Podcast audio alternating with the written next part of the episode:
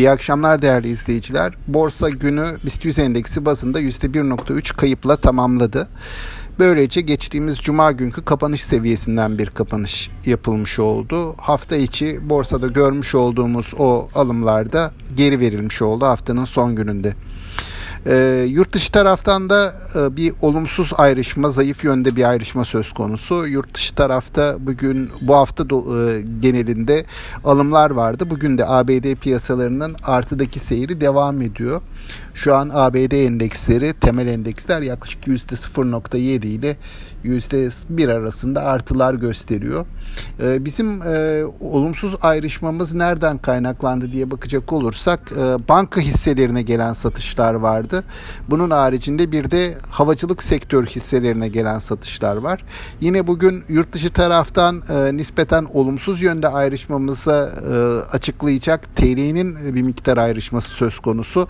Dolar TL kuru 8.80 seviyesiyle başlamıştı hafta içerisinde. E, hafta ortasına gelindiğinde TL'nin bir miktar değer kazandığını görmüştük. 8.60 seviyelerine kadar e, gerilemişti. E, haftayı kapatırken yeniden 8.75-8.76 seviyelerindeyiz.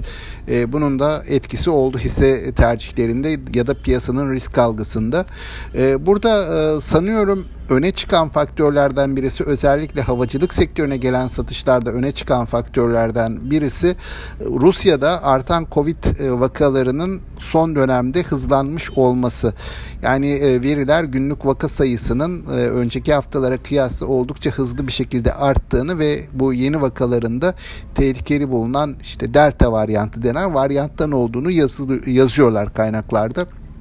Dolayısıyla turizm sektöründe daha yeni yeni açılmaları yaşarken e, bizim temel turist e, aldığımız ülke olan Rusya'da böyle bir sorunla karşılaşılması açıkçası e, biraz moralleri bozmuş olabilir. Ben bu konuya sabah değinmiş idim.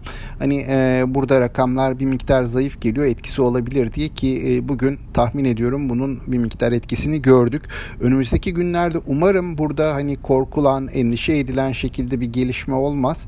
E, bizim turizm tarafındaki gelirlerimiz güçlü kalmaya, güçlenmeye devam eder. E, bu özellikle 2020 2021'in ikinci yarısı için önem taşıyor. Yine aynı şekilde ihracat performansımız da önem taşıyor.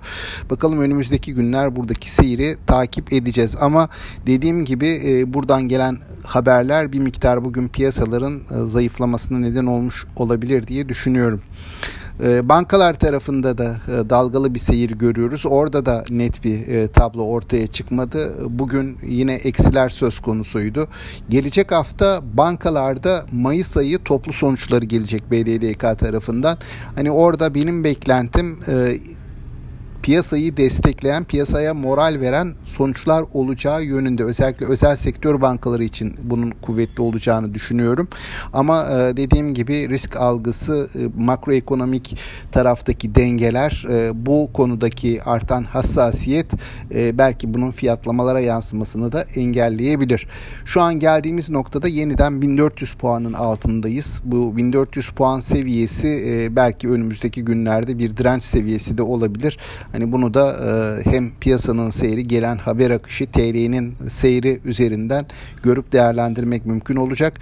Maalesef bu haftayı yani biraz zayıf kapatıyoruz. Yurt dışından e, olumsuz yönde ayrışarak kapatıyoruz. E, bakalım gelecek hafta inşallah bunu toparlamış oluruz. Benim aktaracaklarım bunlar. E, sağlıklı, bol ve bereketli kazançlı günler diliyorum. Yeniden görüşmek üzere.